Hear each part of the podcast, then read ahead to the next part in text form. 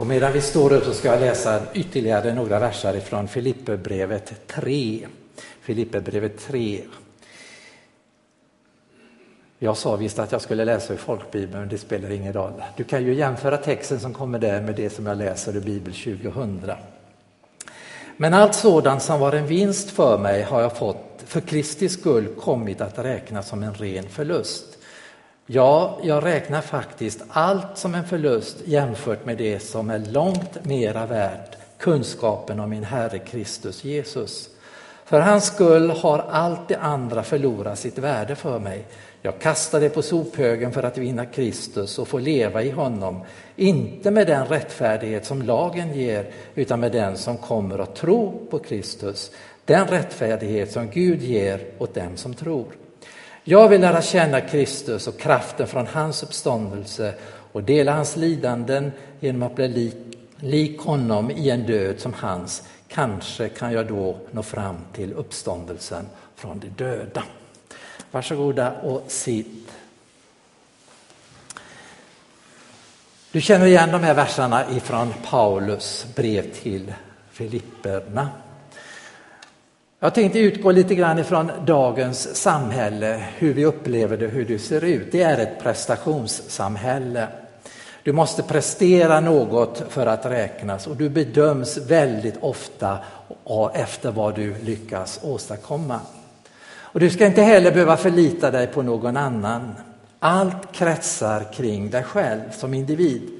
Och man talar idag väldigt mycket om självförverkligande, självförtroende, självkänsla, självtillit. Lita på dig själv, det räcker.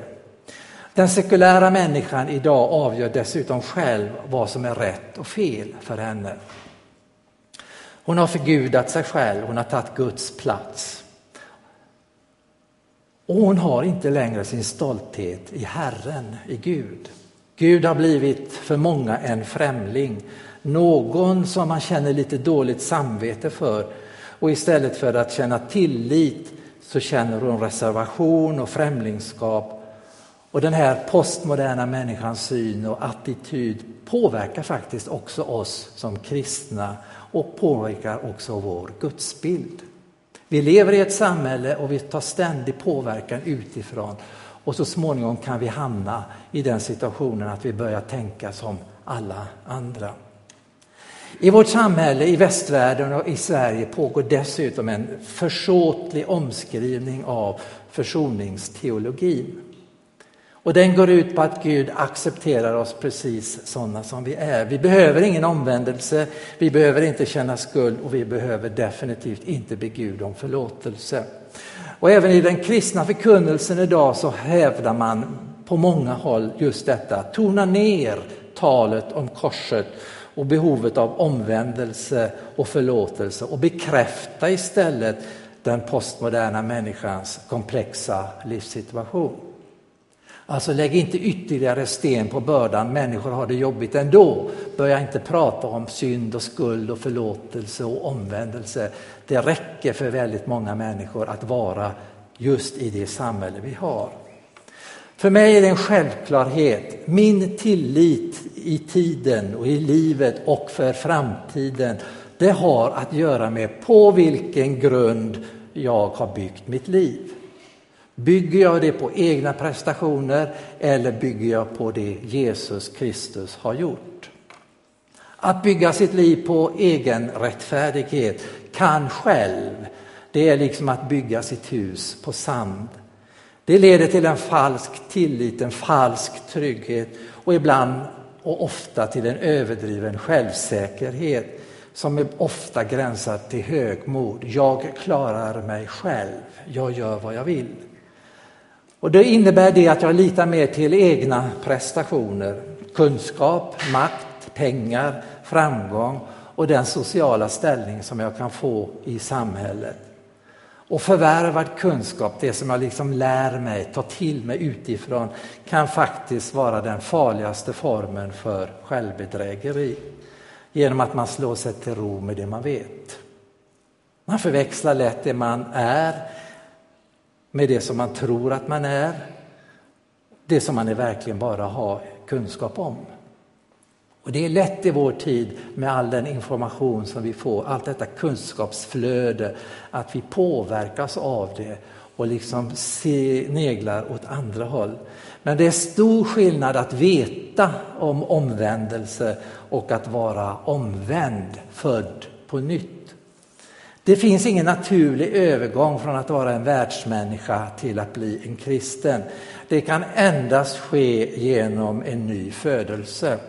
Född på nytt betyder enligt grundtexten att bli född ovanifrån, född från himlen, född av Gud. Det är Bibelns förklaring. Men det är lätt att vi hamnar i falsk tillit och litar på våra egna prestationer och vad vi själva kan åstadkomma. Falsk tillit kan alltså kännetecknas av att en människa förlitar sig på sin egen rättfärdighet och sina egna prestationer. Men det finns en fara i också att andra människor kan påverka mig. Jag kan böja mig för andras krav för att genom yttre gärningar bli godtagbar för Gud. Du måste göra någonting själv för att Gud ska tycka om dig. Helt i strid med Bibeln. Risken är stor idag att de här nya tankegångarna infiltrerar det kristna tänkandet och skapar ett behov hos oss att prestera något i egen kraft. Jag måste väl ändå kunna göra någonting själv för att bättra på frälsningen. Om jag gör det eller det eller det så kanske Gud gillar det lite mer. Men det handlar inte om vad du och jag kan prestera. Det handlar om att den rättfärdige ska leva av tro. Inte egna gärningar och prestationer. Och en sund syn på sig själv leder en människa till en rättfärdighet genom tron på Jesus Kristus. Sann tillit inför Gud, sann trygghet, sann förtröstan inför Gud. Det handlar om att bygga sitt liv på en berggrund, klippan Kristus. Det är den enda grund som bär. Allt annat är lösan sand. Och vi upptäcker så småningom att nu börjar det sjunka, det här går inte bra. Som människor, ärliga människor, så måste vi komma till en punkt då vi inser att det inte finns någonting annat som kan förbättra vår ställning inför Gud. Varken medfödda gåvor eller förvärvade gåvor eller kunskap.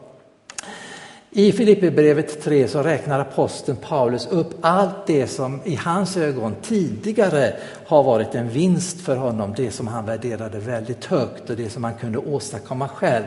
Men nu säger han att han räknar allt detta som ren förlust. Att känna tillit inför Gud, det handlar om att bli accepterad av Gud och att känna sig trygg inför honom. Att ha sin stolthet i Herren, inte att ha sin stolthet i mig själv. Och det kännetecknas av kunskaper om Jesus Kristus och att finnas i honom. Vi förlitar oss inte längre på något eget. Vi har sett våra begränsningar och vårt totala beroende av Gud. Vi kan inte bättra på det som Jesus har gjort för oss på korset på något sätt. Det är ingen idé vi försöker, vi kommer bara till korta och inser att det här fixar inte jag.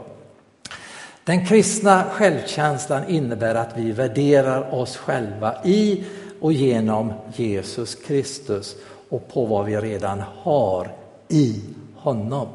Lyssna till Paulus som säger i Fesebrevet 1 så här. I honom och genom hans blod har vi friköpts och fått förlåtelse för våra överträdelser så rik är den nåd med vilken Gud har låtit all vishet och klokhet flöda över oss. I honom och genom hans blod. Läser du Filipperbrevet så kan du se hur Paulus går igenom sina tidigare meriter. Allt det som förut skänkte honom tillit och trygghet i livet betraktar han nu som skräp. Han uttrycker det till och med så att han vill kasta det på sophögen. Han gör på något sätt upp med sitt förflutna. Han har fått en ny tillit där allt det andra gamla har förlorat sitt värde för honom. Efter mötet med den uppståndne Jesus Kristus där på Damaskusvägen så har han fått en ny inriktning i livet. Nu gäller det att vinna Jesus Kristus, att få leva i honom med den rättfärdighet som kommer av tron på Jesus Kristus. Och målet för Paulus efter omvändelsen är, jag vill lära känna Kristus och kraften från hans uppståndelse. Alltså en total förvandling i synen på vad trygghet och förtröstan och tillit är. Efter mötet med Jesus så gör han helt om, får en ny inriktning och en helt annan målsättning. Frälsningen ligger inte i vad vi gör utan i vad vi hör. Genom bibelordet så talar Jesus personligen till oss och han vittnar om att han som är Gud har kommit till världen för att ge sitt liv som lösen för världens synd. Och därigenom så tar han Guds dom och han tar Guds straff för synden på sin egen kropp. Och Jesus ställföreträdande död ger dig och mig evigt liv. Vi blir frikända, det är liksom en domstol, men vi blir frikända när vi tror och tar emot denna gåva som han erbjuder. Och dessutom så står det i Bibeln att vi får frid med Gud. Frid med Gud, vad är det? Jo, Paulus säger så här, då vi nu har gjorts rättfärdiga genom tro har vi frid med Gud genom vår Herre Jesus Kristus. Du och jag, vi behöver inte vara oroliga. Har vi tagit emot Jesus Kristus så vet vi att han och endast han håller måttet inför Guds heliga lag. In i minsta detalj har Jesus Kristus uppfyllt lagen. Och inför Gud kommer då du och jag med en tillit som om ingen synd någonsin har blivit begången. Gud renar våra samveten, han lyfter bort allt detta som har anklagat oss. Och att bli rättfärdiggjort det är detsamma som att bli totalt frikänd. Det finns ingenting som belastar oss längre. Och att vara rättfärdig inför Gud innebär då att ha en riktig relation till en rättfärdig Gud. Och det tar sig uttryck i ett levnadssätt som återspeglar Guds personlighet. Är jag rättfärdig så är jag rättfärdig inför Gud och då lever jag på ett sådant sätt att det återspeglar Gud i mitt liv. Den som är i Kristus är alltså en ny skapelse, det gamla är förbi, något nytt har kommit. Så läser vi andra Korintierbrevet i femte kapitlet. Och då kommer frågan, hur ska vi då kunna leva i sann tillit, i sann förtröstan i den värld vi lever? Hur ska vi kunna känna oss trygga inför evigheten? Det fantastiska är att det som hände på Golgata kors, det var att Jesus Kristus gjorde ett oerhört byte med oss. Vi sjunger i en gammal sång så här, han tog våra synder, det sämsta vi äger och gav oss sitt bästa till evig tid. Därför så kan vi känna oss fullständigt trygga inför det som väntar på oss efter vårt liv på den här jorden. Jesu uppståndelse, jag vill lära känna Kristus och kraften i hans uppståndelse. Jesu uppståndelse har redan satt framtiden i rörelse och den gör också vår uppståndelse oundviklig. Löftet i Bibeln, vi skall uppstå. Vi vet inte bara att vi också ska uppstå från de döda utan vi kan dessutom vara helt trygga inför den yttersta domen. Det finns ingenting som belastar oss. Vi kan med frimodighet och frid i hjärtat träda fram inför Gud. Det finns ingenting att anklaga oss för. Varför? Jo, Gud ser på dig och mig genom sin son Jesus Kristus. Alltså är vårt liv in i minsta detalj tryggt i Jesus Kristus. Innesluten helt i Jesu nåd. Men vi kan också känna tillit och förtröstan inför nuet eftersom vi redan har tagit emot Guds rättfärdighet genom tron på Jesus Kristus. Tron är vårt sätt att ta emot den gåva som Gud erbjuder. Och det är detta som gav Paulus tillit inför Gud och frimodighet inför människor. Och han uttrycker det så här, därför är vi alltid vid gott mod. Vi lever i tro utan att se. Han är vid gott mod därför att han vet att Gud ser honom som rättfärdig genom Jesu Kristi försoning. Och han kan känna sig fullständigt trygg inför Gud. Och det är här den stora skillnaden är mellan falsk tillit och sann tillit. Räknar vi med oss själva och vad vi egna, eh, själva kan prestera och göra, då är risken stor att vi hamnar i en falsk tillit. Vi litar på någonting som inte håller. Vi bygger våra liv på sand.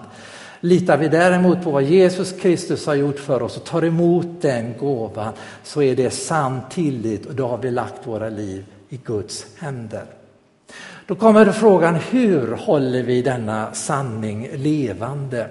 Jo, när vi firar gudstjänst med brödbrytandet.